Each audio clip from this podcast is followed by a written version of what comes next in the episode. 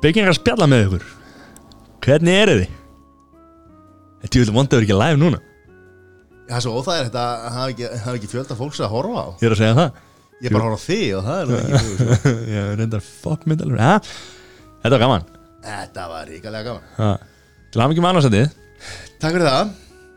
Til hann gefum fyrsta tið Takk fyrir vinnur Ertu búin að jafna þig það? Eftir hvað?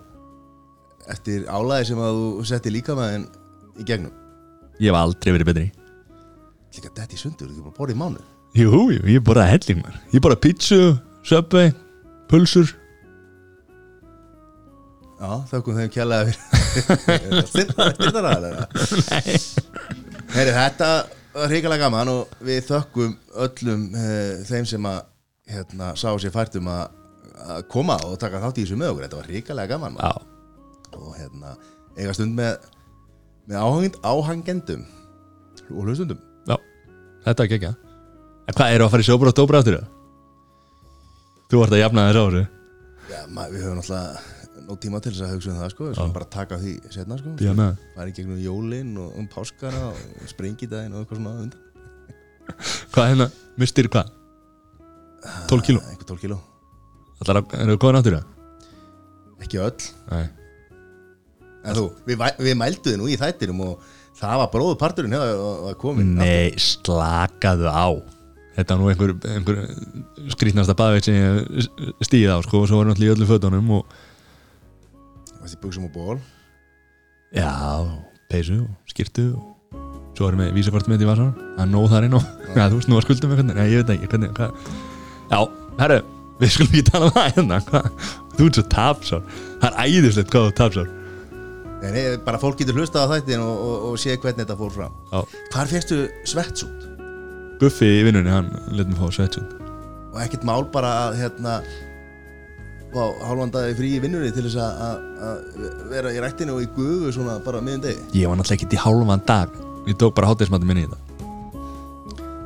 Já, já Frá, frá hátti Nei, þú, þú ert svo tapsár.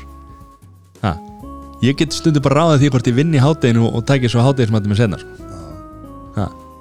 Svo er ég bara að vinna svo frábæri fyrirtæki að það er bara, það var allir að baka mig upp í þessu sko. Já, býttu nú við, þannig að þú varst bara Þið voru, þið voru bara margir saman í þessu eða? Já, já, það stóð allir með mér Stóð einhvern veginn Þeir trúið að það vera einstaklingskeppni? Ég meina, það er bara með aðdæmandur Já, þú hérna sem að lifti, enda þú varst erfu þú þurfti mikla mikla ást og, og stuðningi gegnum þetta ferli. Og það þurfa allir ást og stuðning allir minn. Þess vegna er ég hérna fyrir þig. Já, heyriði Þetta voru allt og Gjörðu fyrir vel. kongur Við fyrir bara beint úr sóbra og tóber beint í bakariðið maður. Já, Djúvill alltaf að fá mér nokkra snúa Og súrtis, Gekkja bro vel. Þetta rínast það já. Eitthvað eitthva vel hérna súrt og gerjað súrt Ó, til já Jóhannes Felixson, Já, ertu velkomin takk kærlega fyrir það. Megum við kallaði Jóa? Ég minnst það nú betra já Það er bara mamma sem kallaði Jóhannes er hann var hvað skamma mig. Já, og annars gerir það enginn. Nei, ekki í og, og þekktur undir, já, vörumerkinu Jói, Jói Fel. Já, Er ekkit erfitt að að nafni mann sé líka vara? Það var rosalega gott til að byrja með. En ég gíst alveg viðkjönd að ég var stolt, svona svolítið þreytur að því stundum og hérna þegar fólk var að svona mískilja nafnið og vöruna og allt saman sko. en ég seti upp með þetta en, og er stoltur að því. Þannig að einn dag ég vonaði að þetta verði bara eins og Pól Newman. Já, Það er bara þannig. Já, þú, hérna, já, hann náttúrulega sneri sér úr, úr leiklistinni og fór svo mikið í kappakstur og, og, og, og setni áránum sko. En ég meina bara svona að að gera ykkur að Já, já. og popcorn og eitthvað svona skilja þannig að, að nafni lifir á vörunni sko. þannig að ég er að vona sko, þegar ég kannski hætti að Jói Fél verði ennþá vörumerki. Það er alveg, held ég, alveg augljóst að það lifi, lifi Það er hérna, alveg mikla líkur á því? Já, ég er að vona það. En hvernig vorst að tala um að fólk var að miskilja að vörumerki? Hvað hérna, var það eitthvað? Nei, það bara sko, það, kannski, það tengir sko, veist að alltaf þú kannski kaupir brauð eða segja, kaupir eitthvað frá mér sko, það var alltaf að tengja það við persóna mig Já. að segja að Jói Fél sko, hann var að gera þetta og er ekki gott hjá Jói Fél eða öfugt gott hjá Jói Fél sko, já. þannig fyrir gott hjá bakaríinu sko, þannig að spurningin sko alltaf hvort er Jói Fél sko, bakarið, vörumerkið eða ég Ég þegar fólk er að tala um vörumerkið að bakari eða mig sko. Já, eins og með bakara mistaran eitthvað fólk, fólk veit ekki hver á hann Nei, eða, eða þessi bakari sem eru já, akkurat, akkurat. Já, mm. og hérna svona er, sko, já, eins og segir þetta, er- þetta er samtvinna þegar þú skrifar undir. Jói Fel fyrir Jóa Fel. Fyrir hönd Jóa Fel. Já, það er svolítið svo leið sko. En það, veist, það þegar ég byrjaði og kannski, kannski bara smá sög og bak við það sko ég hérna opnaði bakari 1997 og fyrir þann tíma þá skrifaði ég hérna kökubók Hagups sem nota beni er búin að seljast yfir 70.000 eintökum og þá er byrjað að kynna mig sem Jóa Fjell og þegar ég opna bakari þá var það svo góð auðlýsing að segja bara að láta bakari heita hjá Jóa Fel þá þyrfti ég ekki að auðlýsa það meira skil, það er bara Jóa Fel er búin að opna og máli dögt já.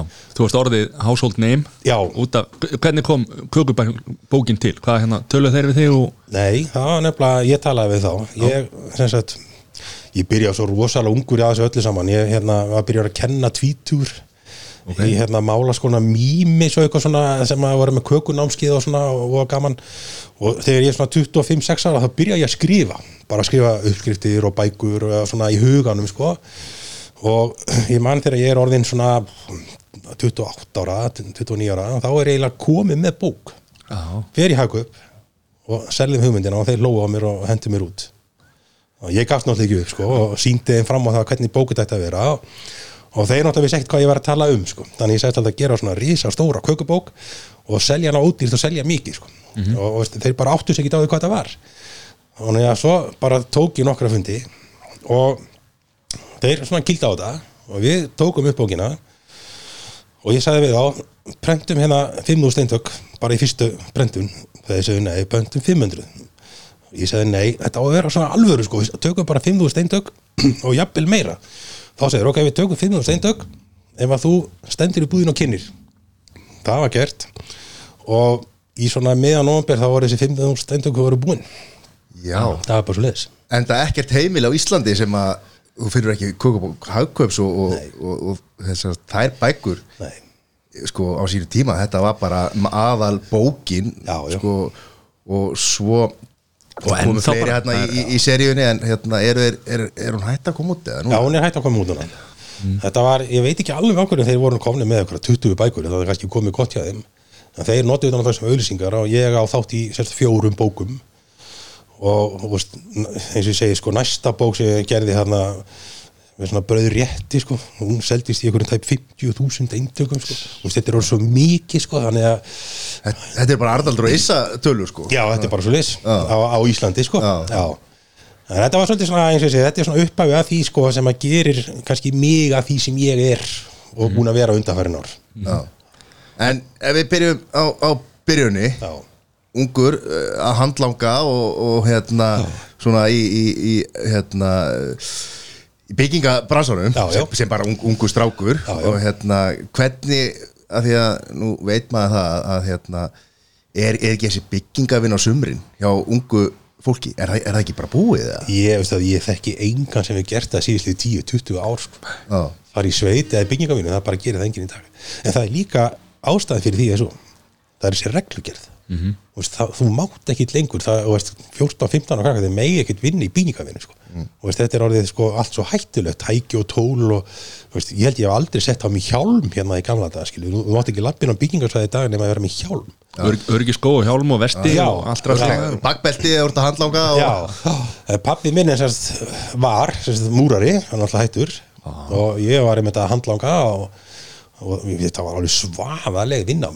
Semispokarnir 50 Já, það kíló voru 50 kíló að nota með sko. Já, Það er komið reglugjör núna, ég held að það megi ekki vera meir en er það 20, ekki 20? ekki? Já, það er sama með kveitibókana og sigurinn og svona. Var, sigur, var það líka 50 Þetta kíló? var allt 50 kíló sko. Já, þannig að þetta var alveg sko hörku vinna. Enda, veist, var maður alveg sko ég var rosalega massaður á þessum tíma sko. Varst að kasta upp á veggi og Já, maður fekk að gera allt sko. Það hjólpörurnar upp og niður. Já, já. þetta Sagði þú, þekkið þetta ekki? Jó, ég var, Já, já. ég var mörg sumur í byggingavinu sko. Og hérna þá er ekki þessar fínar græjur sem að sem að þessi, smiðir í dag sko það er, sko, það er ekki bara gamla góða batterísjöli það þarf einhverja hestluvél og, Já, já. og, og, og hérna það þarf alltaf að vera þráðlaust og svona þetta, þetta er bara orðið fín innivinna þessi smiðsvinna Já, í dag sko Já, jafnvel sem betur fyrir þetta, menn voru alveg búnir á því hérna. Já, já. Það- Hvernig var pappiðin sem múrari bara hérna var bakið og, og Já, já, bakið náttúrulega gaf sig og svo enda hann að því að fara bara að flýsa leggja. Ég, meina, ég held að múruverk, þetta, þetta er eitthvað erfiðasta sem við vinnum við. Já, ég átta hann í þá daga sko. Það var að slaða alla veggi og stöðum að bera þess að póka og en það var eins og eitt sem pappi kendi mér sko, og veist, að flýta sér hægt sko, þegar við vorum að vinna sko, í blokk, það bera flýsanar upp sko, hann sagði, taktu fyrir eitthvað eitt kassa staðan fyrir tvo að því að sko, þeir eru búin að fara tíu ferðir þá er þetta bara búin á því sko. Já, þannig að veist, flýta sér hægt, taka bara eitt kassa gera það rólega og örugt flýsar í dag sko, það eru bara ein í einum kassa sko. Já, Það er bara, já, það er hérna 1.50 sem er 75 flýsar sko. Já, já. Þetta er Þetta er gali sko. Já, en, sko, mín upplifun að þessu var sko, ef, mað, ef maður ætlar að hérna, svona, þrepa skipta hana sko, það voru náttúrulega smiðinir svo voru múrararnir svona, sást að það voru meiri hörkutól sko, Já, já. en svo sem að voru svona hörðustu mennir, það voru þeir sem voru játnabinda Það er einhvern veginn tí, sko. típurnar í það sko. Já. Það, það voru svona einhvern veginn svona sérstaka típur sem að voru í því. Það voru marga típur og náttúrulega og svona skilju, þetta var rosalega sérstætt allt sko. Og svo komu sko svona sem að voru svona valla með eða með svona öðru sem verkverð þá, þá komu rafvirkjadir og svona sko. Þeir voru ekkert að láta sjá sig bera neina hluti eða, nei, nei, nei, nei. eða neitt svoleið sko. Já, þetta var, þetta var góðu tími, gaman að rifja þetta sko. En hvað, þú byrjaði hvað, 16 ára í bakstirinn Já. Ég ætlaði að verða kokkur. Og ég hef alveg sagt að áður ég man ég sótti um á Hótel Holti og komast á nemasamningar. Og þeir náttúrulega sagði nei að þeir vantaði ekki nema. Já. Þannig að, en ég fór sem sagt í þegar ég var í níundabekki gamla daga sem er tíundabekkur í dag, þá fór ég starfskynningu í nýja kökuhúsið. Af því að þar var þjálfari minn í handbólta Óskar Þóstísson sem er ennþá bakari núna út í Nóri þannig að hann rettaði mig þangað inn til að koma í starfskynningu og ég held að ég hef staðið mig ágætlega sko, ég hafði svo rúsalega náhuga. Svo bara þegar skólinn búinn þá bara sæki um og það var náttúrulega og gengur að gerist að ég fekk ekki já strax sko en hann sagði já, ég maður kíkja á hvort mér vantar nema og svona. Og svo bara er ég byrjaðar hérna 16 ára. Pappi gamli þurfti að skutla mér í vinnuna en sem betur fyrir á jammali snemma árunu þannig að ég fekk bílbróði snemma. Þannig að sko hann þurfti að skutla mér í smá tíma í vinnuna. Og þú vanur að bera hérna múrblönduna eða, eða múrin þannig að þú tókst þessa kveitipóka bara á, Já, já. á öxlina. Þá þá komið bara heilu brettin að kveiti og, þau bara sett fyrir utan og svo þurftu að bera þetta allt í inn Já. þetta var alvöru sko en þetta fór ekki vel með mann Nei, en þannig erum við líka komin að öðrum punkti sem er svona öðru sér dag sko þegar að vera að tala um að við ætlum að færa skóla að því að börn og úlingar þurfa lengri svepp við ætlum að færa þetta í 9, 10, 11 eitthvað svoleiðis Já. bakararnir, þeir voru já, hvena varst að vakna á þessum tíma Sko það er, það var misjætt að þessum tíma sko. ég, þe- þegar ég er að læra þá, eh, veist, ég byrja fyrst klukkan 5 svo fór ég á þrjúvaktina og svo man ég var rosa lengi á tólvaktinni sko. Það var bara mæta klukkan 12 sko. bara vinna á, á nóttinu það var ekki já. það var ógæslega gaman þegar maður var ungur sko. það fekk maður svo mikið útborga, veist, allt í nættu vinnu sko, það var ógæslega gaman veist, þá bara, veist, var maður búið kannski 8-9 morgunin þá fór maður að tók góða æfingu og svo bara heim og Já. það var alveg geðveikt sko. Maður þarf að vera sérstök típi í þetta Já, já, en sko aðalmálið er það ef þú hefur ekki gaman að þessu, þá er þetta hundleðilegt og það er bara í öllu sko. ég hafði bara, veist, ég tróð mér út í, að mér langaði svo að gera svo mikið í bakstrinum. Ég var, var leiðilegi neminn. Ok, og ég var, það það var stundið þannig að sko, ég hafði svo mikið á kökuskreitingum og svona dúllir í sko.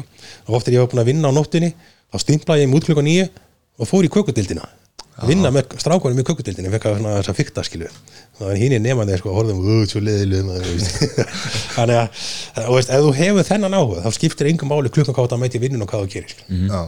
er það bara svona, svona list svona, út, þörf fyrir listina eins og kökuskreitingar þetta er náttúrulega svona list, listform Það það. var það bara svona að fá útrás fyrir einhverjum svona sköpun og Já, sko, eins og ég segi, fyrsta lagi hefði náttúrulega rosalega gaman bara bakstri almennt, sko. Og svo er ég, hérna, ég ætla ekki að kalla mig myndlistamann, sko, en ég er, ágættur í að teikna og mála og svona. Þannig að þetta, þetta svona lá svo vel fyrir mér. Að hvort sem þetta búa til blóm eða skrifa á kökur eða gera svona myndbyggingar skilur sem að hinn er kannski jafnvel ég ætla ekki að segja kunn ekki en hafði ekki svona þekkingu á sko. þannig að þetta lá svo vel fyrir mér og þegar ég er honum bara 17 að verða 18 ára þá er ég búin að taka yfir kökudeildina í þessu rísa stóra fyrirtæki og ég, veist, ég var alltaf að tróða mig sko. ég var svo ógeðslega ánægð með það eftir á metnað fullu bara Já, á og, já. og, já. En, hvernig er svo skriftunum, nú kann ég ekki að skrifa ég var, myndi ég myndi ég geta í að skrifa hérna á köku hvernig, Já, sko málið er það ég, eh, sko, ég get ekki skrifa á blað að ok, þannig að það er sjens Já, en ef ég á að skrifa skrautskrift Já. þá get ég það skrifa, það var alveg rosalega flott hjá skrifa. Já. en leðið ég á að skrifa bara ykkur að setningu, þá getur engi lesið það sko. það er svona lækna skriftin sko. ég er þar sko. En hvað, eins og hérna, nú er aksjón að búa til, ég meina eins og þú ert að búa til hvað, kringlur eða eitthvað. Já. menn þú ert að búa til mörg hundru kringlur. Þú veist, er þetta alltaf jafn gaman að skapa Já, sko það það er náttúrulega breyst hjá mér veist, ég er náttúrulega aðeins komið til árana og, og hérna búin að vera með mitt fyrirtæki núna í 23 ár. Auðvitað er ég ekki er lengur á nóttunni alveg á fullu sko þó ég mæti of sko. En það er bara, veist, það er þessi sköpun að sjá þegar þú býr til degið svo bakar og finnur lyktin og jafnvel borðar það skilu ég, segi það, fyrir mér er þetta ennþá rosalega gaman. Og við segjum oft svona í ganni skilji, þú veist, þetta er orðið leiðileg svo hættur sko, þú veist, auðvitað þú veist, er menn að skipta um vinn og fara í eitthvað annað skilju, en, en þú veist, ég, ég er ekki búin að gera neitt annað handtak frá því ég var 16 og heldur hann að baka. Já. ekkert. Eða, jú, og náttúrulega elda, Já, segir, skilju, já, en já. þetta er eina, mín, eina vinna mín sem ég hef gert og, og minnst það ennþá gáðan að fara í vinna sko. Já, var eitthvað svona maður heyrir alltaf í eldúsum sko. Þá er alltaf að kemur einhver nemi eða einhver nýr og svona sko. Nákvæmlega sama og í byggingafræðsonum þú þú sendur að sækja eitthvað sem er ekki til eða eitthvað svona, er, er eitthvað í, á, á nóttunni, í galsanum á- í Sko, bakaríunum það hefur minka rosalega mikið. Og ég get að, og sko ástæðan fyrir því er svo að þú stríðir ykkur um þetta þá ætti að leggja hann í einelti. Já, og, og ég, ég ætla ekki að segja þú veist, sem sagt að við höfum verið kærð Mhm. en svona, al- ég er náttúrulega formar landsamann bakara mistara að er komið inn, á borð til okkar það er bara vinsalega speðið um að gera þetta ekki sko. Já. að því að menn hafa lagt inn kvartanir og menn hafa farið náttúrulega greinandi heim eða eitthvað skiljiði Mhm. og í dag er þetta bara bannað og það er, er bara tekið fyrir það hundleðilegt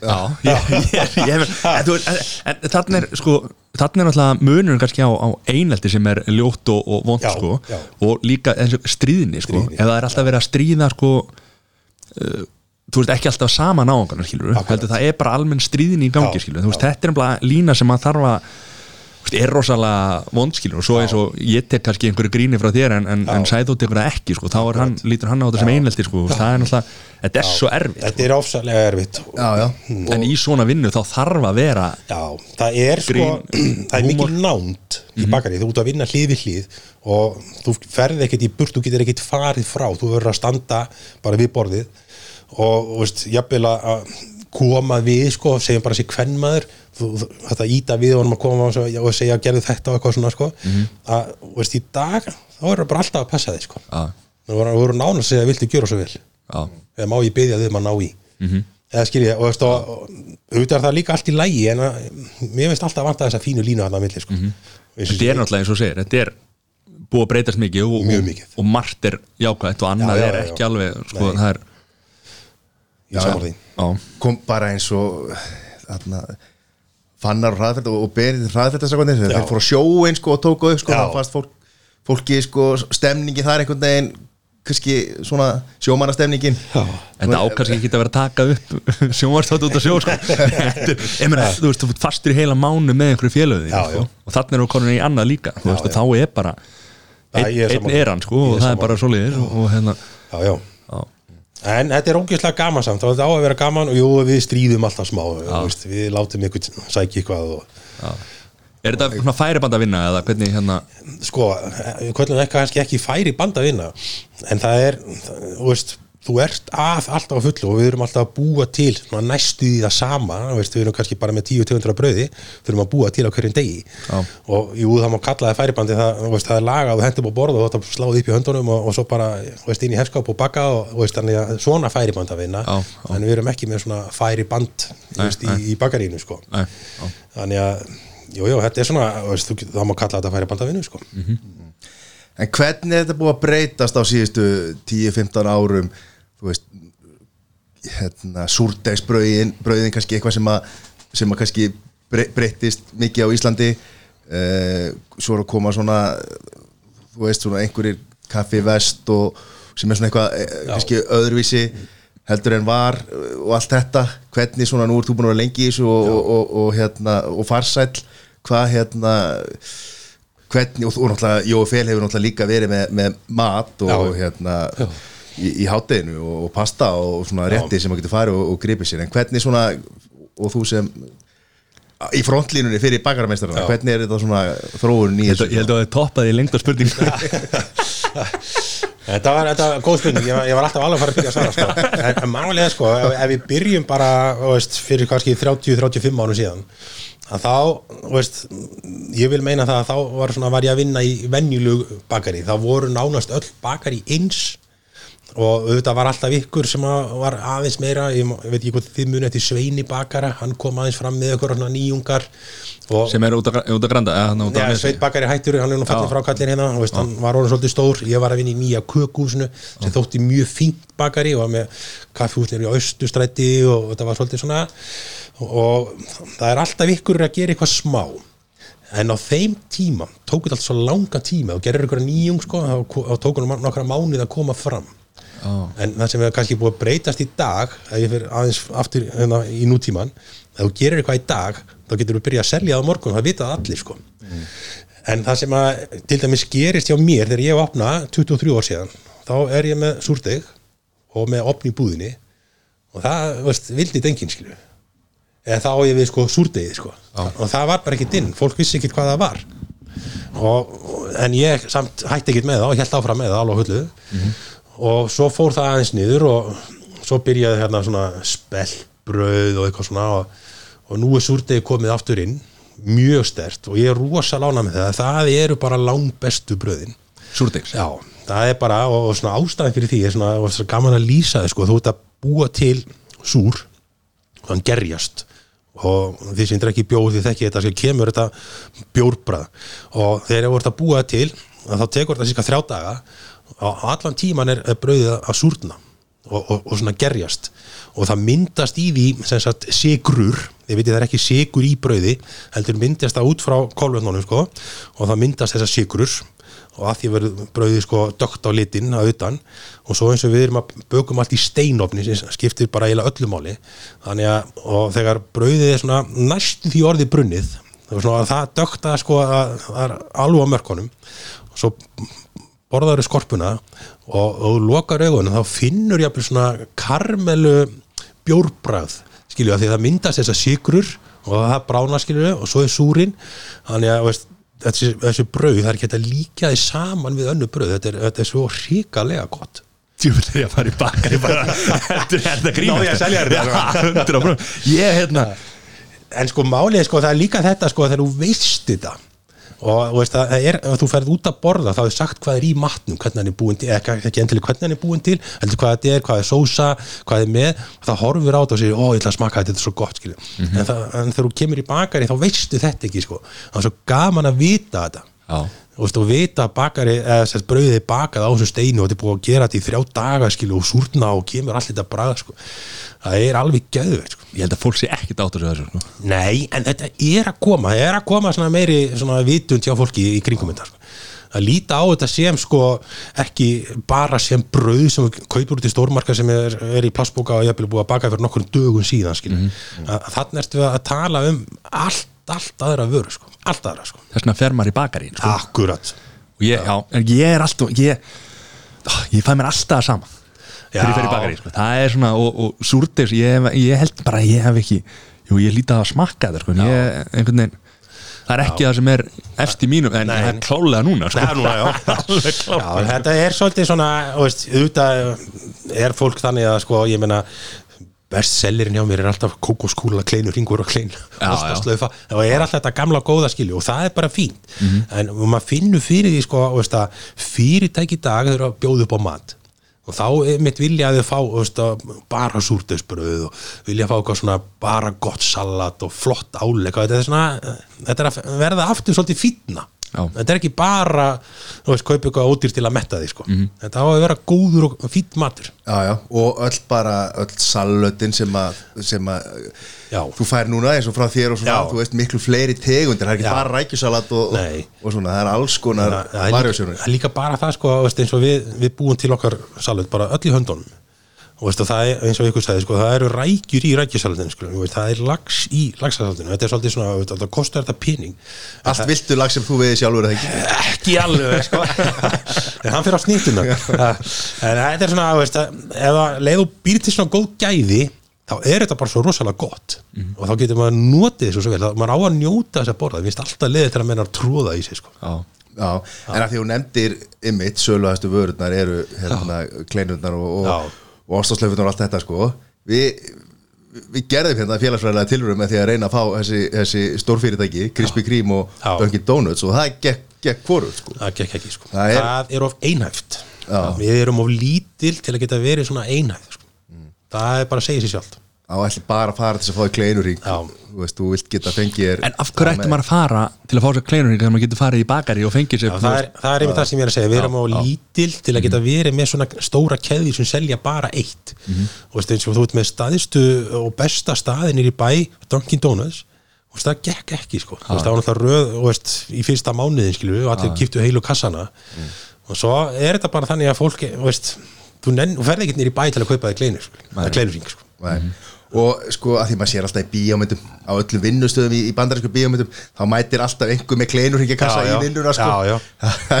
Þetta er öðruvísi. Það er öðru sér menning Já, og, og líka ég, ég veit að við erum alltaf að verða feitar og feitari sem, sem þjóð sko. Já, eh, en eins og einhverju búin að benda á það er ekki eh, kannski miskilíkur að það sé brauðið sko ímislegt annað sko. En það er svona virðist vera að lenska líka sko veist, og er alltaf, þú veist, á Íslandi þá kemur einhver með, þú veist, segi, súrdeisbrauð og salat, Já. þú veist en ekki kleinuríkjakassa á mótnana í, í, í vinnuna sko, sko, En það er eins og ég segi alltaf sko, þú fitnar ekki af brauðinu sko, þú veist að þú fitnar eitthvað og borðar mikið af brauði, hvað þú setur von á brauði og hvað þú borðar á, á milli þess að þú borðar brauði sko. það er ekki brauði sjálf sem gerir því feitan sko. Já. en hérna hvað þessi þróun kannski sem við höfum verið að horfa á alltaf í sem helsu þróun finnst þér eitthvað munur eins og á þínum útsölustöðum? Eitthvað, það er alltaf eit- eitthvað nýtt Atkins, keto og alltaf eitthvað í gangi. Finnst þér eitthvað svona margtakum munur? Sko, ég myndi segja að Atkins hafi byrjað fyrir svona cirka 10-15 árið síðan. Já, ég ætla ekki að svona eitthvað svona segja svona akkurat sko, en það var svolítið að komst í hámæli. Og við fundum fyrir því að sala minkaði alltaf í janúar Já, og, svona, og við getum alveg sagt að hér sko, minkaði í janúar, það er allir allir í megrun og þá byrjaði Atkins. Og svo kom hérna bolludagur og þá sprungu allir og við vorum alltaf að vona því að bolludagurinn er mjög snemma sko. þannig að jú, við finnum virkilega fyrir þessu en ég held samt að þessi hópur er ekkit rosalega stór en hann hefur hátt. Og þeir sem til dæmis aðalega fara á keto að þeir eru vilja kannski breyta sjálfum sér í smá tíma og kannski í smá yfirvikt eða líður ítlaði eitthvað og þú tekur þetta í eitt, tvo mánuði og svo, svo reynur aftur að fara í þitt eðlilega líf. Og það sem er kannski góða við það að þegar þú ferð aftur í þitt eðlilega líf að þá ertu meðvitaður um það hvað mátt borða, hvað mikið kannt að reikna út hýtæningur og annað. Og ég segi alltaf að venjulegt fólk, það veit það að fransbröð er ekkit rosalega holt þó að séu vítamin í því og steinefni og prótein og allt saman. Við vitum það að grófbröð eru miklu hotlari og við sérst þetta erum með súrdöspur núna með heilkotni sem heilkotni talið þetta hotlasta sem hægt er að fá bara upp á trefjar og fyrir meldingun og annað. En það er ekki þar með sátt að vera að borða heilt bröð þannig að þú færð, kannski ég segi tvær til fjórar bröðsnegar á dag svona, ég segi sko ekki meira út af því að svo margt annað í bóði þó að aðrir bakara vilja segja að ég eigi að segja meira þá vil ég bara vera svona alvöru sko. ég segi bara tvær til þrjár fjóra bröðsnegar á dag á grófu bröði þá ertu nokkuð góður sko. En ekki setja heila dollu og salati á eða, skiljið mig eða eitthvað óhólskilju og, og farið svo kleinurring og kleinu og vínabröðskilju þá er, þá er sagt, heildar hýta einingarna orðna svo miklar að það er ekki brauðið eitt og sér sem er að skemma fyrir þér í, í ég ætla ekki að segja meirunu heldur bara lífstílinu þínu sko. og lítir á kóki með og allt með. Akkurat sko þannig að já, það er alltaf kóngum En- en með sko- bakari já, En getur útskýrt til rist, eh, bara lyktina ristabrauði með osti sko. ég, það er eitthvað alveg gali sko. Já, ég, ég heyri það náttúrulega, þú er ekki verið í bakari á mátana, sko, að finna lykta nýböku brauði sem kemur úr ornum er, sko, og veist eins og því, ennþá stórkostleg. Og ég tala ekki um þegar ég, eitthvað brauði er svona hál lélægt og ég tek endan að því og smjör, smjöra og setja smá salt yfir og smjöri brán og maður býtur í og heyri svona veit að þetta er ennþá besta sem ég veit um. En það sem þú ert að tala um sko, ég man eftir því gamla daga þegar ég fekk mér alltaf ristabröð og setti mér fullt af smjör og osti á.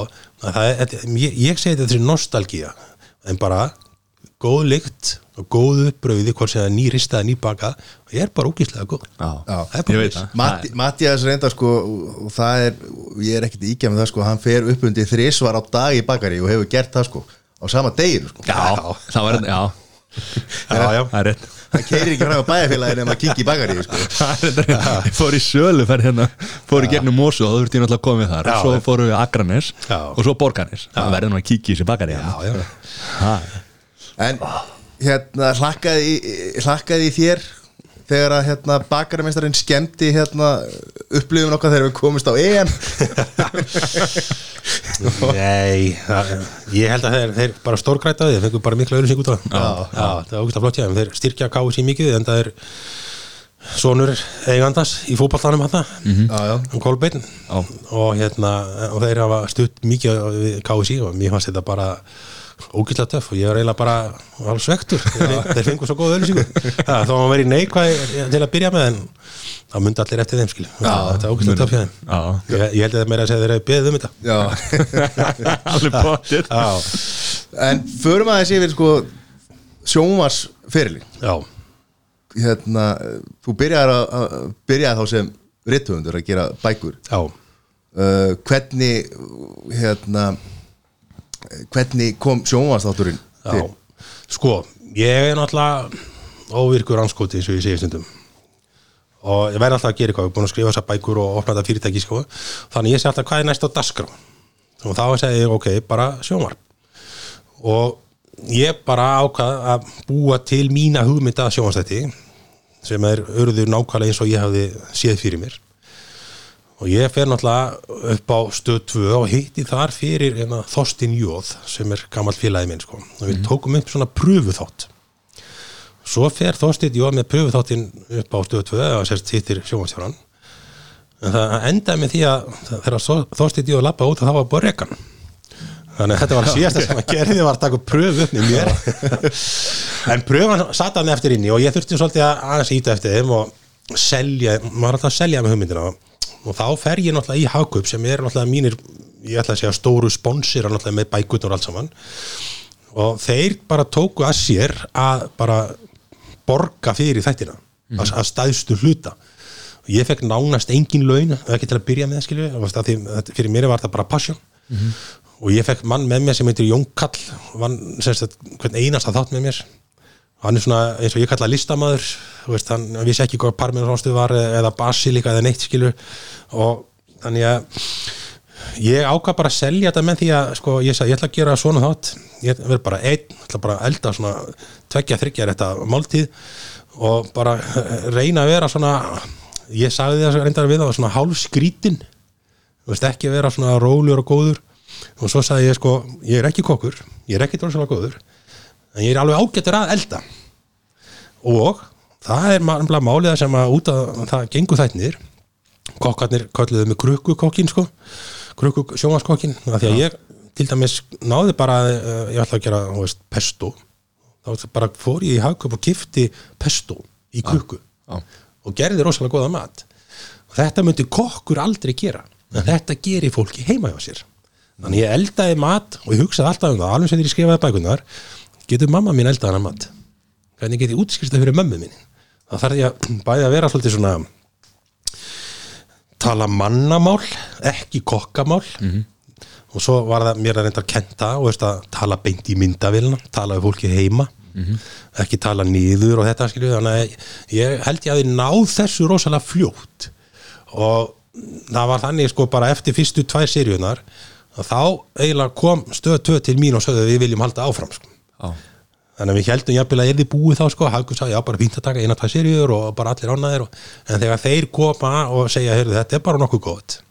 Og þa- það sem við vorum ég sé alltaf við sko Jón Kall á stóran þátt í þessu hvernig tökurnar voru. Þannig ég held að aðalmáli var það að maður er ekki rosalega góður að elda. Ég kann ekki að elda eins og kokkur.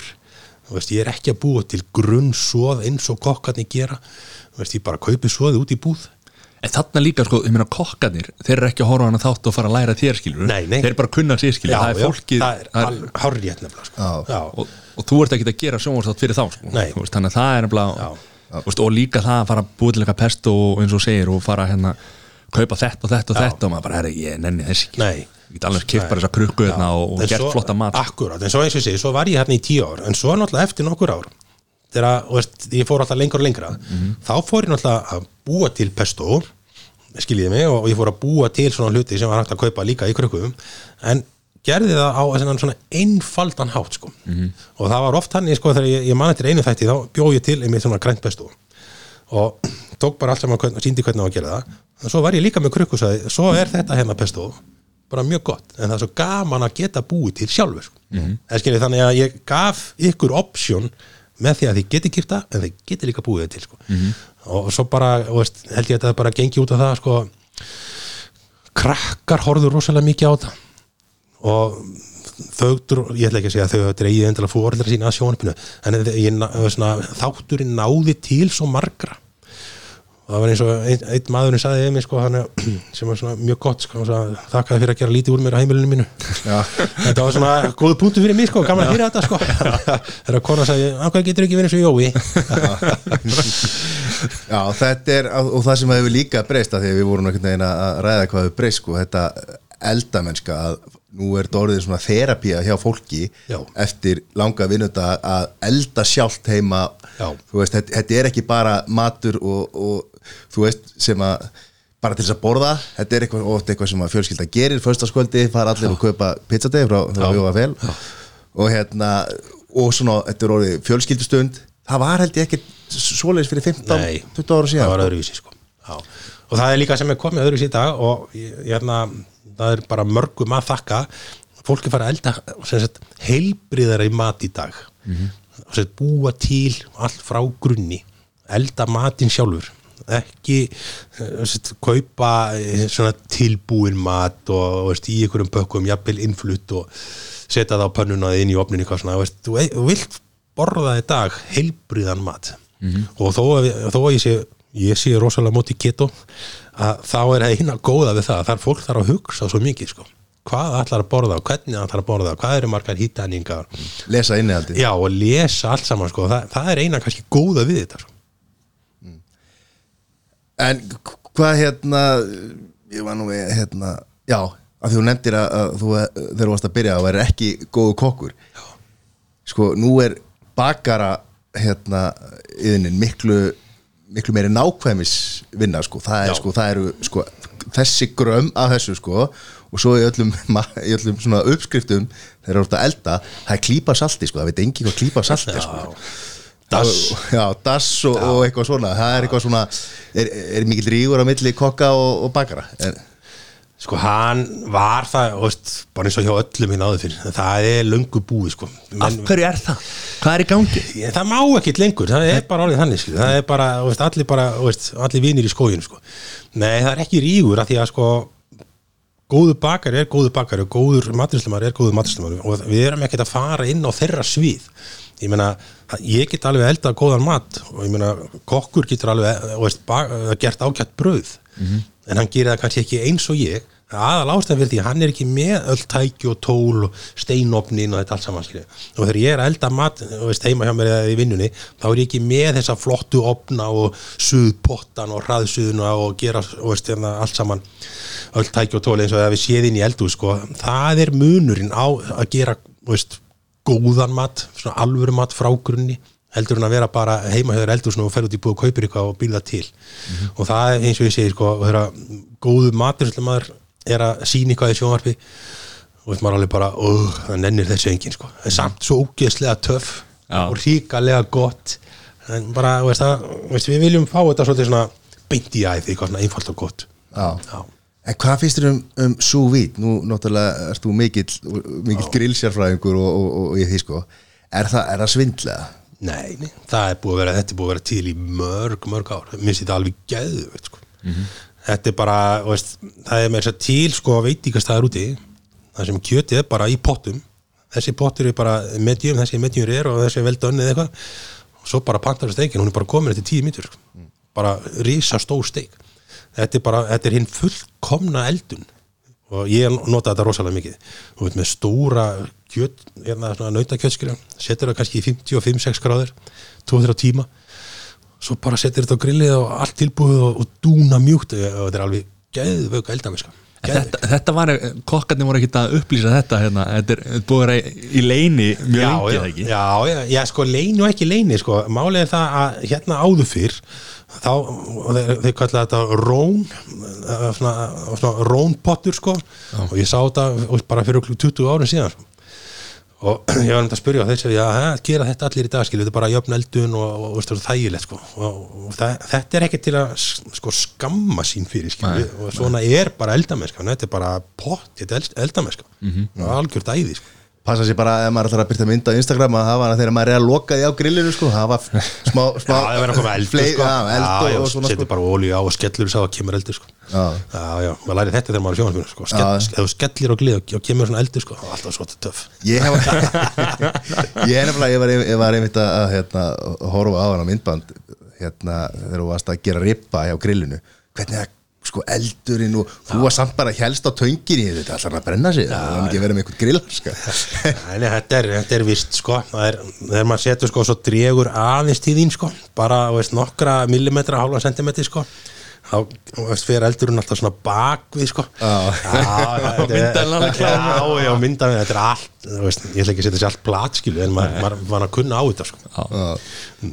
En ég meina eins og þarna, var maturinn alltaf góður eða hvernig, uh, þú sko, ert að gera sjónvarstátt sko, ég meina, þetta er náttúrulega það, sko, það er alltaf gaman að viðurkenna eitthvað sko, þú veist að þú veist að stundum mistóst eitthvað. En ég, ég eldaði aldrei mat nema ég hafi gert hann áður Já. og hafi vissi hvernig hann ætti að gera hann. Og ef að til dæmis ég, ég mani sem ég var með rosa stóra steik og, og sett hann á grillið og svo tek ég hann af og snemma og hún er ó, sest, bara ekki nóg elduð. Já, en þú veist, svo skar ég hann niður þá saði ég við tökumannin ekki sína sárið. Nei, skiljið, þá bara færði tökumæður sig og hann bara s- sá, horfði von á hendun á mig þegar ég var að skera kjötið og ég sagði, wow, geðveik steiking og svona. þannig að það sást aldrei en auðvitað fullt af svona smá Já, dæmum sko. svo til dæmis þegar maður er að kannski setja, veist, út að tala um grilli þá hann kannski gerðist aðalega þegar hann inn í eldhúsi. Maður var kannski að steikja sveppið eitthvað skilur og svo sagði við tökumannin hérna, svo setji ég hérna vínið út á og að kveiki í sig eitthvað skilur og svo setti ég og kveikti ég og nei, nei, nei, nei, hann er ekki tilbúið þá að gera það bara aftur skilur og settir bara meira vín og kveikti meira í skilur þú veist, þannig að það kannski var ekki rétta rétt magn af víni en það var hitt náttúrulega var klift út þannig að það sá það ekki skilur þannig að það var allt og mikið bragð af henni en, en já, það var fullt af svona litli matriði sem að allt, allt er klift í burtu. Já, en svo er þetta ekkit vondteka það, ég er ekki Já, sko, ég get alveg sagt ykkur það að í svona 90% tilfella var one take hjá okkur sko.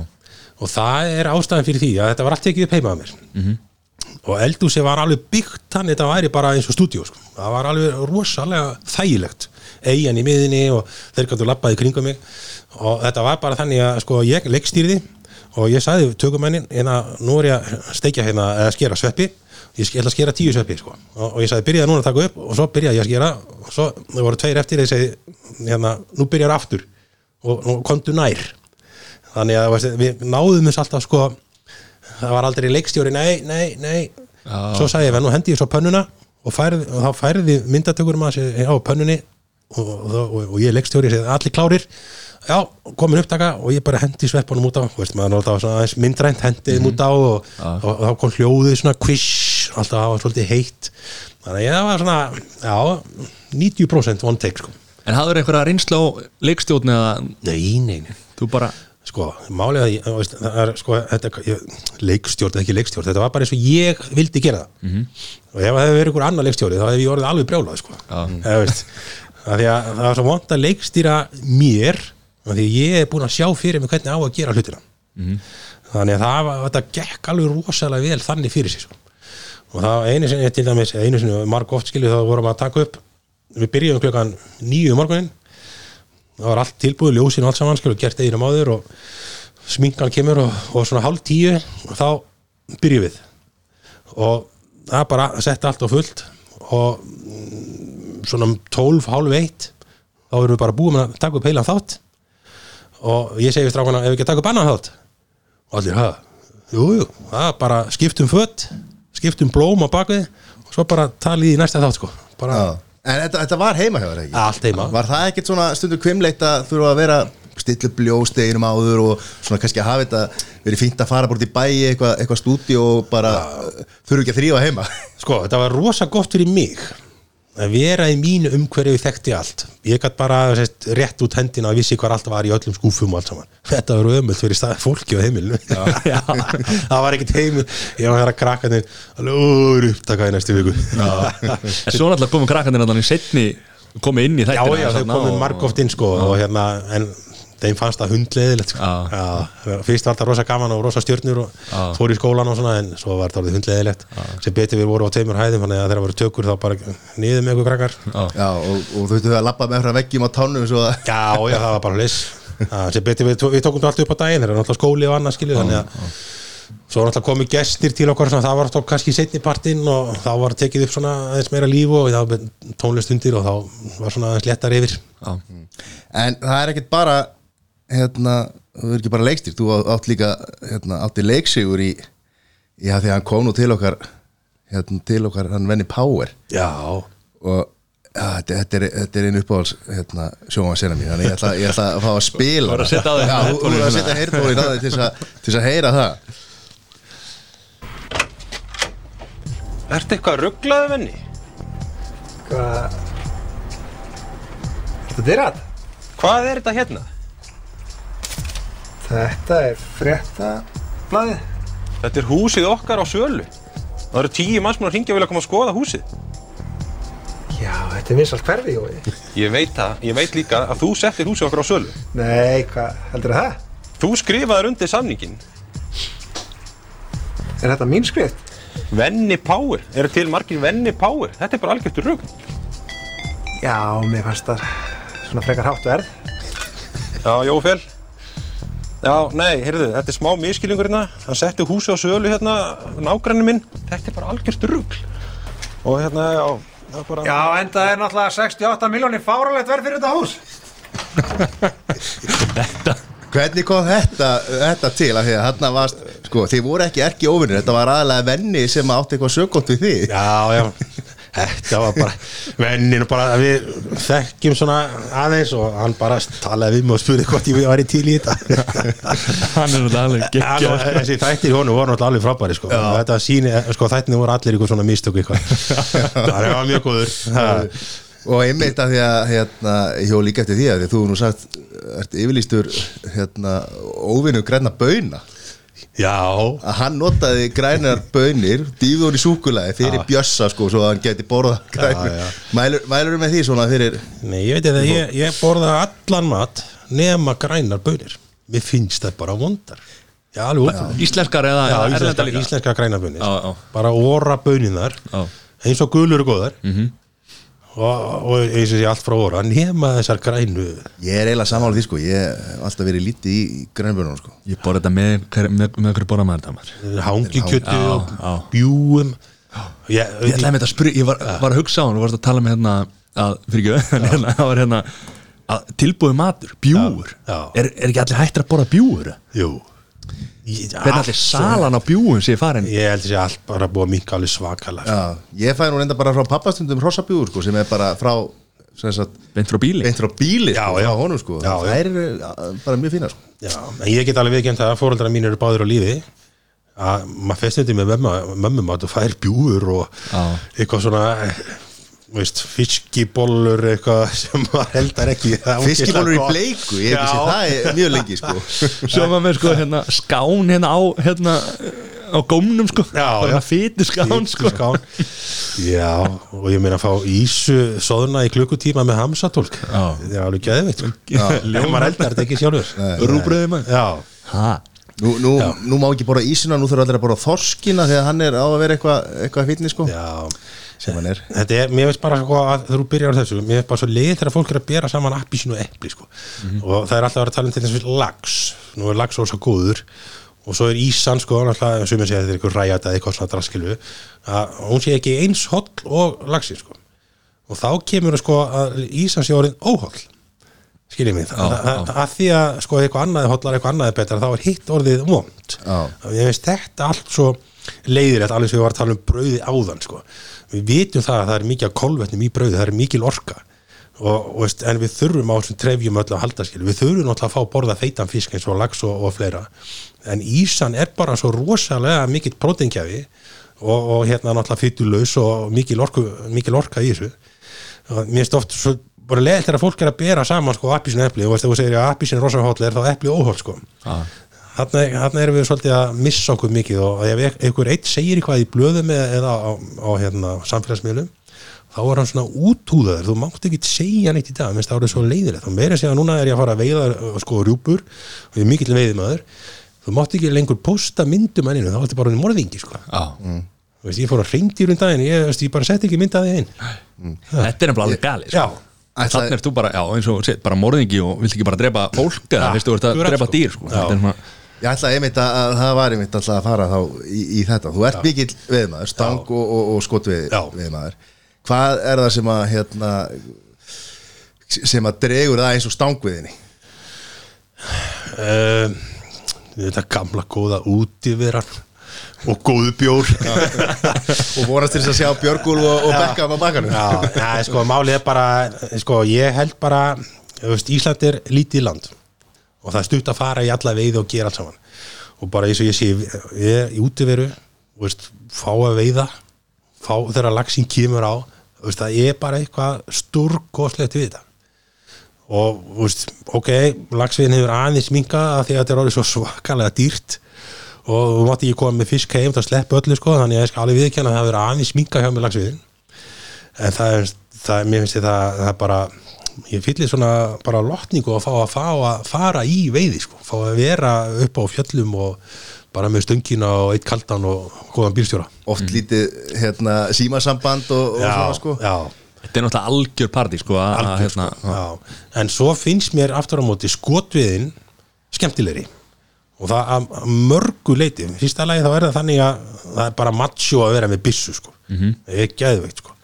Og, ég fer á reyndir og skrýða að hundra metra og reyndar tekur bara eitt skot. Og þá er veiðin búin. Og náttúrulega veist, þetta sem við varum að tala um áðanskilið og, og þú verður að hitta og þannig að dýri kvæljist ekki og sem betur fyrir hérna, þá er ég náttúrulega í 99% alltaf nánast í hjarta sko, þannig að þetta er strax. En að fara á gæs og svo rjúpu og labba á önd og svona.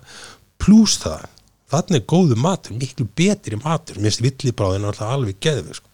og það er eins og mér lagsin sko, og jú, það er rosa gott að fara heim og grilla nýjan lags eða elda nýjan lags sko. en oftast fer þetta bara í kistuna eða bara í reik eða eitthvað. Þannig að, veist, minnst villibráðin það, það er hérna eins og segir, þú ferð að labba á rjúpu. Það veiða jólamatinn. Veist, og þú ferð á reyndir og þú fá svo mikið kjöt og þetta er bara villibráð sem þú borðar út að grafa þetta og reykja þetta og þannig að þú, getur notað þetta svo rosalega mikið. Þa, þa- þarna er sko það sem ég elska, það er sko að bara græja sér til henda öllu dótinu og byssun upp í eppa og keiri eitthvað. Og veist, svo ertu svo algjörlega gjössanlega búin þegar þú kemur heim. Svo, svo þarf það að fara að reyta og gera veist, það er, minnst það alveg magna fyrir bara gerur þetta allt sjálfur já, allt Já, og náttúrulega kannski aðal og háærastu gaggrínisrættirnar er einhverju sem er ekki, ekki að gera þetta og, og, og svo eins og alltaf og sama umræðar hvert einast ár að það er alltaf einn og einn sem að kannski fer off-forsi Já. og, og, í veiðin eins og á rjúb og svona en Já. þú veist, 99% eru að veiða fyrir sig og sína í Já. jólamandin og, og ymmit sko þeir sem að fara á gæs og svona, þetta er allt matur sem að nýtist og, já, já, og kannski gleymist í umræðinni að, að, hérna, að þetta er þetta er, þetta eru náttúrulega bara náttúran og, og, og þetta er betra heldur en, heldur en eldis eða sem sagt fjölda framleiðsla. Já, þetta er allt annað. Ég er alveg samála því. Ég þekki engan veiðimann sem er að veiða til að selja eða situr í, uppi með kistunni ykkur fullt af gæsum eða, eða ykkur það er, gerir það enginn í dag. Það er eina sem ég hef stundu lendi í og þá sko segja ykkur frá því að ég hef stundu verið að veiða gæsir og hvað tvö á síðan þá átti ég ykkur 80 gæsir sko. það var bara gekk svona vel hjá mig skiljið mm -hmm. Herðu, ég bara náttúrulega og, og bara reytið allt saman og tek bringunar og leggina og og hérna svo bara let ég reykja fullt af þessu og ég set fullt mikið í graf svona eldri grágæsnar, ég gref þær og svo ungu gæsnar skilju við bara elda þær að ég bara tók þetta allt nýr í vinnu bara bjóð til snittur og pinnamat þannig að þú veist að þeir ekkert í rusli á mér sko. þannig að það er að nýta þetta finnst mér sko skipta öllu máli, það er ekki fara veið á haustin og segja, heyrðu, óps, það eru 20 gæsir ennþá í kistinni sko. Já. það finnst mér alveg glata sko. og það er bara eins og segja sko, þú veist að labba á rjúpu sko, kannski 5, 6, 7, 10 rjúpur einn daginn, þú veist, maður, er- veist, maður er svo sáttur já, já. þetta er æðislegt og er ekki skemmtilega að labba þú veist eins og skjóta hérna setja rúbi og gæs og svona heldur en eitt hreindir einu svona jafnvel tveggjara fresti eða hvernig sem það er Já, veist, það er sko skemmtilegra, jú. Já, en það er, þess að ég sagði á það er þetta macho, sko, jú það er náttúrulega að vera með haglabísuna, sko, þannig að vera með riffilin og þrýfót og kíki og, og skjóta á 200 metrum, það er hlæslega gaman, en það er eins og ég segi, eitt skot, bang, búið já, já, já. Já, það er öðruvísi. Og, lík, og náttúrulega oftast e- lengra og erfæra ferðalega að fara Já, alveg austur sko, heldur þú getur farið á rjúpu eða Já, já. gæs hérna kannski sunnanlands og Já, svo já, já, það er aðeins öðruvísi. En það er bara eins og ég segi, sko, þá bara en út að skjóta reyndir í, það er 80-100 kíló. Fær bara svo rosalega mikið út úr því. Og það er bara eins og uh, hvað er besta stekin í, í Sko, það er besta maturinn. Já, Hreindýrafille er algjörlega stórkostlega sko, það bara, og veist, ég eldaði þannig að ég brúna það svo kæli ég það, eða sagt, ég stofið þetta svo bara inn í opn á svona 60 til 70 gráður, 70 gráður í svona 12-13 mínútur og það fer ekki yfir 52 gráður getur borðað með skeið veist, það er svo mjúkt, það er svo gott það er alveg stórkostlegt sko. það er gaman að tala við hann um mat sko, en hérna, eins og við erum að tala um villibráðin sko, þannig er dýri búið að alast upp sjálft og, og í náttúrun og svona. Þú veist, munurinn á þessu og eins og nauti og svona. Já. Veist, er eitthvað hægt að útskýra þetta? Þú veist, eins og bræðmun eins og sem miklu meira bræð af. Já, sko, náttúrulega nöyt eða, þú veist, eru náttúrulega alin upp bara á, þú veist, grassi og, og fóðri. Mm -hmm. meðan til dæmis bara lambið, skilju, þú veist, það er að bara borða það sem að, er fyrir þeim upp á fjöllum. Og það er saman með reyndi, reyndi náttúrulega keðum frá Noregi og þeir eru bara með vist kjöt og svo lifa það náttúrulega bara á, þessum, þessum grössum og berjum sem eru upp á fjöllum. Þannig að það kemur þetta villi bráða bræð, sko. Veist, rjúpan borða bara þú veist, lingið og, og þannig að hún fær sitt bragð. Og veist, það er ekkert dýr eins, ég meina fær kannski dádýr sem kemur frá bara Evrópu, að það er þess, ljósara kjöt og það er ekki villi bráða bræð að því. Það er allt öðruvísi, mm að því að það borðar bara gras, það fær ekki en, en, en villi jurtir sem eru hérna. Þannig að það er að krydda sjálfa sem með að borða Það er bara svoleið sko. Og svo þegar þú kryddar villibráð þá áttu eiginlega engung að nota sko garðablóðberg, timjanið já, ekkert annað sko. Og það er meira sér þannig sko að þú nota bara íslensk smjör, bara fullt af garðablóðbergi og setur það á pönnuna. Og svo er rosalega gott að henda nokkur berjum út á pönnuna þannig að svona, það myndast bara þessi aðalega náttúrulega sem að er þú vilt fá og það og svo brennur þú aðeins utan á þannig að kemur mikið og gott brað og svo fer þetta allt inn í opn öll berin og öll, alla kryddjúsunar þannig að veist, bragðið er sko þart ekkit annað krydd á. Jú, nú, svo náttúrulega bara salt og pipar skilja Já, já. Ert að skoða í sarpin og, og svona geta til um hvernig bræði þessi verður, verður svona? Sko, eina við það er að það er í gæsinni.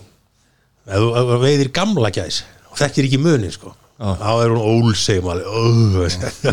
en ef maður, næra að læra sko, hvað er ungt og gamalt sko því það er alltaf að taka gömlu gæsin og grafa hana sko. Og þetta gerur eftir út búin að skjóta hana þannig að þú sér- ég, ég, ég, ég, að ég sé miða það bara. ekki í loftinu þessi er einu unga einhverjum sko. Nei, nei, maður bara skýtu það sem fyrir augum ber sko. en það er bara þú veist, ég segi líka þú veist, að að bera virðingu fyrir villibráðinni sko, veist, eða, veist, veiðinni sko. að, þetta, þú veist, þegar ert farin að skjóta alltaf mikið og og jafnvel tekur bara bringuna hendi restinni sko, veist, það það svolítið svona veist, það daburt sko. og veist, að, mér finnst það ekki verið alveg viðmenn Nei. Nei. En það er náttúrulega í rjúpunni sko, mennfæðin er að sko, gamli máti náttúrulega er bara Já. að taka skipið og, og, og, og svona sko, nú eru mennfæðin að kötta bringutan á og grilla þær eða sem sagt elda þær já. bara hérna sérstaklega sko, það er svona ég gerir það einhverju Já, en notar ekki sko, að fá lærin og svona fá tartal eftir Jú, daginn eftir jú, sko. það maður eldar þetta allt saman. Sko málið sem að sko ég ólst ekki upp í rjúpu. Þannig að ég bara byrjaði að borða rjúpu til ég fór að veiða og ég smakkaði rjúpu á gamla vandan og ég get bara sagt ykkur, mér ástum bara úgislega vond. Og það var að reyna að setja spekkana og gera eitthvað svona og ég, og veist, þetta er ekkit svo, jú, kannski 20 ár síðan. Og ég sagði, betur, hvernig dettur ykkur í hug að elda 50 gramma kjöti í 1-2 klukkutíma? Það segir sér sjálft að verði vond. Þannig að ég tek bara bringunar af og svo elda ég restina alveg á gamla mátan þannig að þá færðu leggina í mitt og fær bræðið í, hérna, í sósuna. En tek bara kjöti frá og svo bara elda ég það eins lítið og mögulega hægt er sko. og það var nokkur í smaka þetta og byrjaði búin að breyta og þessi að jú, þetta er nú betra. Hinn er flest allir hinn sagði, já, já sko, sósan er svo góð. Já. ég sagði, býta, borðar ekki kjötið? Já, það er svolítið þurrt og svona en, þá finnst mér nú ekki vera mikið varðið í það sko. Nei. Nei, nei. nei. Ertu með eitthvað annað á jólunum heldur en ég er nefnilega borðað ekki rúbu eða þú veist, hef ekki, ég hef bara smakkað einu svona tísar á gamla mótan og mér erst ekki sérstætt og ég hef ekki tilengjað mér þetta þá. Ég er með hambúrgar á jól, hambúrgarrygg Og borðan bara einu á ári Mhm. finnst það alveg geðveitt sko. krakkarnir náttúrulega elsku þetta og Mhm. það er bara svona jólin fyrir mér sko. meðan jólin að, fyrir sumum er að sjóða rúpuna Já. svo bara, þetta er, þetta er allt svo í föstu skorðum það er bara aðfangadagur er sérst þá bara er hambúrgarryggur svo er sveita hungi kjöt hjá mömmu mín og pappa skilur á jóladag og svo annan í jólum er Já. Þannig að þetta er mjög góð dag Svo koma áramótin og þá er hringdirið og, og allir fóreitnir í gæs og önd og allt saman Þetta er allt plana sko. Já.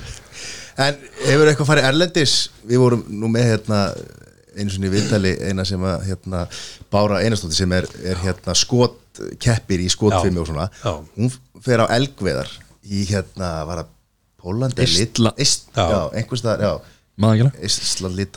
þar. Og, og hérna er að skjóta elg þar og svona. Og það eru víst ferðarþjónustu fyrirtæki hér á landi sem að bjóða upp á svona ferðir hefur, ekkert, hefur það ekkert kýtlaði? Ef ég segir alveg sögur, það var í næstífi farin árið 2007 Svo eftir það að þá hefur það reyla bara ekkert komið upp aftur og ég hef ekki farið og eh, ég get alveg, sko, það, það er tvent í því það er náttúrulega auðvitað langa manni að fara en þetta er náttúrulega að kosta fullt af pinning og það sem eiginlega verst að við þú farið ekki í kjöti, sko verst eiginlega að fara það sem við köllum á trófí við að veiða hausinn, sko. Já. Má ekki frista það og flytja það það? mátt ekki koma með kjött svona einn sko. Nei. en það í dag þú getur farið til Grænlands og veit reyndirið og þá sendur í kjötið á Húsavík og slátur úr sér þar skilji og þeir stimla það og þá máttu taka það inn þannig að þetta er ekki heilla mér neitt svona ekkert neitt rosalega sko. Það er þetta sem að fólk eða allan, þetta er mikið á móti, það er þessi trófi veiðar sko. þú veist, þeir verið að veiða ljón og eitthvað sko, sem að hefur engan til og, og þú mátt ekki fá neitt sko, en, Nei.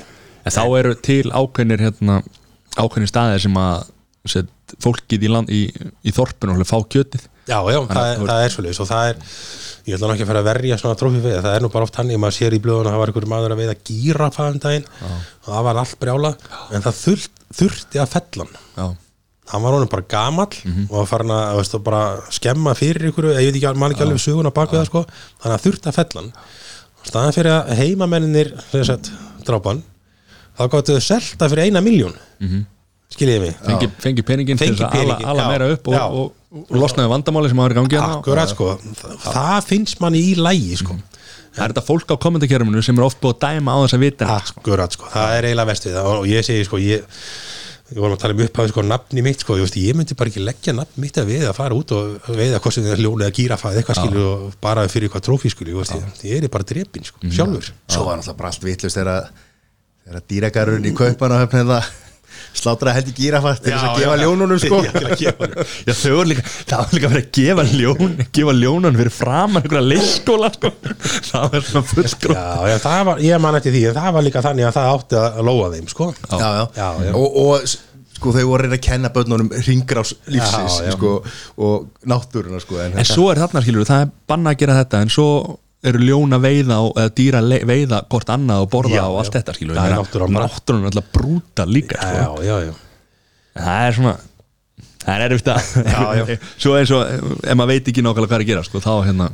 Nei, en þú ert mikill United maður. Já. Þú ert hellu fyrir utan Old Trafford. Er, það er bara, ég þarf alltaf að fara að búsa stendur á hellinu bara jói fel. Já. Takk fyrir sko. Það er ég veist það ekki, er þetta að fá svo, svo leið það var hægt sko Það var verið að laga hérna, Sir Mutt Busby Way uh, var að hérna bara, já, lagar allan og settar hellur og voru seldar hann einhverja 3000 hellur og ég sá þetta bara á netinu Já. setti bara inn hérna pöntun og kostaði notabinni 4500 krónur. Alveg rosa dýrt. Já, svo bara einhverju mánu að tveimur og setna við fæði bara skjál heim, hér er hellaðin ég haf með svaka skjál heima og svo bara fer maður alltaf út að, að púsa algjört æði sko. ég sé það, ég kíkti á hellina hann það eru fleiri, eins og David Beckham og þú veist, það eru fullt að hetjum hann Þú ábyrgur að hal- halda hreint í kringum hana og já, já, já. reyta arfa. Já, það rosa gaman. Já, já, ég er búin að vera United maður alveg frá því bara ég man eftir mér hvernig, hvern, við erum báður United menn hérna núna við, hérna, hvernig, hvernig líður sko maður segir bara eins og liðum vel maður lifir í fornir í fræð sko Já. en ég meina, jú, það er, þetta er ógislega erfitt í dag en, en ég meina, veistu það mér finnst það líka bara svolítið gaman sko. já, Þú veist, maður er alltaf búin að vera toppnum alltaf bestur, alltaf vinnandi og, og veist, hí á alla hina, sko, nú er aðeins verið að stríða manni, sko, mér finnst það eiginlega bara smá gaman, sko, ég Ok. er bara viðkennið það. Og er ekki samanlega þessu. Þetta er svona, þú veist, það, veist ég held að þetta kom aftur. Ég meina, var ekki er ykkur aðra bara að kaupa þetta þá kemur þetta allt og verður miklu betra og er það það sem viljum ég veit ekki, sko. Við ráðum svo sem einhver það, en ég. Ég veist ég alveg segja, sko, þó að ég sé ógæslega fúlir í horfa leikina og tapa móti ykkur sko Norvíts og ykkur svona Bournemouth núna já, sko. veist, ég bara, veist ég er rosa ógæslega fúl, sko og leiði þetta að sjá okkur í ykkur 13. 14. 15. sæti, sko en það er kannski líka vandamáli Við erum að spila svo Ef Já, við að spila já. skemmtilega fótbolta það væri kannski úslitin ekki nógu góð það var, myndi maður fyrirgefa þetta er nú betra núna heldur en þetta var sko. hann er svo ekki á sólskivagninu sko. Nei, stundum finnst maður bara veist, já, já, ég er að horfa á leik í dag ég meina, helmingurinn af þessum mönnum sem er í dag kæmist ekki eins og í topp liðin sem eru núna veist, í deildinni En við erum svona að borga þeim eins og þau séu allir að spila Já. hjá París, hérna, PSG sko. Já, já, það er, það er eitthvað að þarna. Og ég held bara, veist að hvort sem það er solskýrið ykkur annar ég, ég vildi halda Mourinho. Ég held að hann hafi getað gert góða hluti áfram. Já, ég hafði mikla trú á honum og ég var mjög óana þegar hann fór sko. Meina, Ferguson vann ekki, veist, neitt í hvað, fjóðu, fimm ár sko. þetta er bara svona en var þetta ekki, þú veist, er þetta ekki orðnar alltaf miklar prímadonnur og má ekki segja við þess að gæja og þeir missa hérna, Jú, jú, það er svolítið svo hvernig heldur að Ferguson væri núna? Ef hann var ekki með United, ef hann myndi taka við einhverju liði núna? Já, hvernig ég, heldur að ég held bara, talandi um Ferguson það er bara borin svo rosalega virðing fyrir kall, kallinu, sko, að hann myndi alltaf ná ykkur um árangurinn en Ég held að að, segja ef hann kemur ungur inn núna sko, Já. eins og hann var sko, ég Já. veit ekki hvort að þetta er bara, það má ekkert segja. Nei, má ekki segja í dag. Ferguson er náttúrulega okkar gauði þóruðar sko Nú og síðast bara í fréttarum að hann eitthvað bara smassaði úrinu sinni úr í sklefanum og Var það á Íslandi, það var úti Nei, það var úti held ég þegar hann tók í stók. Nei, já, já, já. Já, já, Nei, þetta er, það er, mér finnst alltaf gaman að horfa á fótbolta og ég ætla samt að segja það, sko, þó maður, hérna, þól ekki, og, veist, maður á ekki að þóla liðupúl, sko, veist, ég er eiginlega fann að svolítið að vona að þið vinni einu sinni, þeir eru svo leiðilegis í liðupúl menn, sko, tuðandi allan tíma, sko, bara leiða maður að vinna einu sinni og, og, og, og svo getur við bara að fara að byrja upp á nýtt aftur, sko. Ég er bara, ég, mér finnst alltaf gott að segja það er stittur að segja lít svanheldur en þið sko þannig að ég, er svona, ég get það ekki sko. Já, Þetta lítur út úr að vera þeirra ára núna það er nú, Já, já. þessi helvítis leikar um helgina líka maður það er Já, Það skrifaði skíin held ég bara. Ég held að. þeir hljóta klúra þessu. En skona en við, við ljúkum þessu Akkur er þú ekki í, í hérna ískapastrið? Þú hefði í staðið fyrir Sigga. Já, sko, ég, mér langar ofta að segja það, sko, málið er það, þau eru, eru hana Siggi og Hrefna. Og þau eru bæði rosalega góð mat, góð matrislu menn og þarna ættu kannski að vera matrislu menn í domkjöldinni en svo er annað líka, þarna ætti að vera sko einn matrislu maður og einn viðvanningur Já, Já, af því að hvað er góður matur? Það er ekki það sem ég segir þessi gott. Það er það sem þér finnst gott. Og það er alveg saman hversu góður kokkur eða maturslumadur eða hvað sem þú ert þið finnst ekki maturinn góður, þá er hann ekki góður. -hmm. og þannig er oft dómarar bestir. Að er best að hafa dómara sem að veist, veit ekkert um hvernig maturinn er búin til eða af hverju að hvers vegna og segir bara, hörðu, mér finnst þetta bara ekkert gott. -hmm. já, maður veist ekki hvað þetta er? Ég sé, mér bara alveg sama. Nákvæmlega. Þetta lítur vel út, Já. en þetta er ekki gott. Er, Nei, nei, og veist, ef að ég hefði verið annan ekki Siggi þá kannski Siggi verið spurður okkur hana stæðan fyrir Jóa. Þannig að, ég meina, þau tvö eru æðislega saman hana Þetta er góð, flottið þetta. Er mjög skemmtilegir. Þeir snúast þetta mest, mest um hvaða gestur er. Já, því, því vittlusari sem hann er og lélegir í kokku því betur verið þátturinn. Já, sem að gera þetta mjög skemmtilegt. Já. Uh, það er vindislegt ég held að ef ég myndi til að svara í þáttinu að keppa sko, það er ekkit gaman. Nei, Nei, Já. og það, maður þarf eiginlega sko, Þetta að vera klúðra og svona já, þú þarf eiginlega eitthvað sko, já, hmm. En þá er náttúrulega væntalega gummi eða, eða hérna, ef að er að gera lítið, þú er potið með gumma sko, hann væri bara trublaði allan tíma Já, ég segi það, það væri kannski allt í leið. En ertu að leiðin í sjónarbátur? aldrei að segja aldrei. Uh, ég er alveg svolítið að spekulera í það er svolítið að vera að tala við mig. Mhm. en ég segi oft hérna ljóta að segja, veist er ég orðin og gamal sko? Hvenær er maður orðin og gamal Aldrei held ég. Nei, og svo ef að hugsa ykkur það það er ákvæða tíma á síðan ég hætti. Ef maður kemur aftur núna og klikkar og floppar alveg. Hvernig er það? Já, það, já veit það, ég hugsa þetta alveg Já. og ég, ég alveg viðkenni það skilu Mhm. þannig að ef ég kæmi aftur núna þá þyrfti ég eiginlega að vera ennþá betri heldur en síðast sko. og Þá er meina- komum djús pressa sko. Rosa pressa. En ég get rættið að ég, þú veist, ég þóri því alveg sko, að ég er ekki trættu við það, ég, ég er svona að hugsa þetta. Og þú veist, ég hugsa með mig sko, er það ekki bara fínt, er það ekki bara gott að fá spark í rassin eða, eða sko, þar að segja ef það gengur illa skilju Já. og þá fæ maður bara, er það átt að gera svona og svona þá getur maður kannski haldið áfram og gert betur. Nú eða bara, þú veist, maður sláði bara aftur í gegn og svona, ég veist, maður veit ekki en mér langar alltaf sko, það kýtla mann sko. Já. Það er, Já, Kökubók það ég hættur að skrifa. Já. Já, ég, ég er búin að gera sex bækur sko. Bara láta gott heita, heita þar. Já, ég hef oft verið að segja sko hérna, hvað eru margir aðri búin að gera eitthvað? Á þess að ég segja eitthvað, að monta með að segja eitthvað. Hérna, hver er búin að skrifa sex maturisbækur og tíu ári í sjónvarpi sko, með maturistátt, það er, það er ekkit margir sko. Já. þannig að svo, þá er alltaf verið að spyrja um hann allar ekki að gera eitthvað meira? Ég segi, þú veist, okkur gera hínir ekki eitthvað? Já. ég er búinn sko, ég, þú veist, ég er bara sáttur En bara skáldsug Gerist í eldúsuna, finnst einhver hérna látin með, hérna, með kjötindamæli í hjartanum Ekki að láta bara írsu og Nei, en ég, ég er, ég skal alveg því ég er ekki góðu penni sko. ekki í þessu sko. Ekki í þessu. Nei. En að því að sko, ég var að skora á Venna Power að- að koma með aðra Já, og, og það blundar í honum. Já. Get ég sagt sagt honum að, að, að þú sett klár Þú verður náttúrulega að vera í, í eða kemur í serja sko. Já, ég finnst það nú bara Getum verð við, að vera getum við sko. staðfesta hér Mér finnst það nú bara verð að vera finnst- eins og, maður segir, maður lélegt að það býður mér ekki sko. Já, Þannig að það, jú, ég tek því sko. Já. skrifar inn í að selja húsið og hana í. Engin spurning sko. En nú er allt í nú 70, hvað var það, 78 miljonar Það er náttúrulega bara eitthvað djók í dag sko Já, Það, sko, þeir endur náttúrulega þannig að þú snýrir á hann og, og varst að senda, hann var að fara ellendis í, í eitthvað tilbúð sem að já, ég það að- út já, já. Alveg rétt já. Ég þarf að fara að horfa á þetta aftur. Mesti venni Power aðdándi hann að landsins Mjög skemmtilegt nei, nei, ég er ekki hættur ef þið eru eitthvað velt ykkur Nei, Nei, en það er það er nú nóg að gera bara í, í, í, fyrirtækjarekstri og, og Já. í, hérna en, en nafni bakari Þú veist, hvað, finnst þér þetta að vera búið að fara svolítið, er þetta orðið neikvæð Þú veist, bara bakari sar Þú veist, ég bara, ég er að hugsa það sko Ertu þá að meina sko, þá starfið eða bara orðið eða nafnið? bara orðið á nafni sko, upp á, upp á hilsu byltinguna og væðingur sko, og allt þetta það, er, sem er í gangi sko. það er búið að skemma það svolítið Ég skal alveg viðkynna það og, og ég hef við mikið talað um það og líka eins og ég segi ykkur, ég er hérna svona formaður landsamband bakaramestar og er í stjórn hana og já, inni á SI og SA og öllum hana og mikið svona rætt sko. Og það kemur alltaf út hannig að það er best fyrir okkur að segja ekki neitt. Að ef þú segir eitthvað þá færði allir upp á mótið þér. Mhm. Og við reynum alltaf að setja út svona frekar staðreindir heldur hún að vera sko, segja bara eitthvað út í loftið sko, ég myndi segja ykkur brauðið er holt þú segir nei, ég segir víst. Já. þannig en við setjum fram sko, staðreindir frá fólki sem er mentað og setur fram greinar um það af hverju og hvers vegna.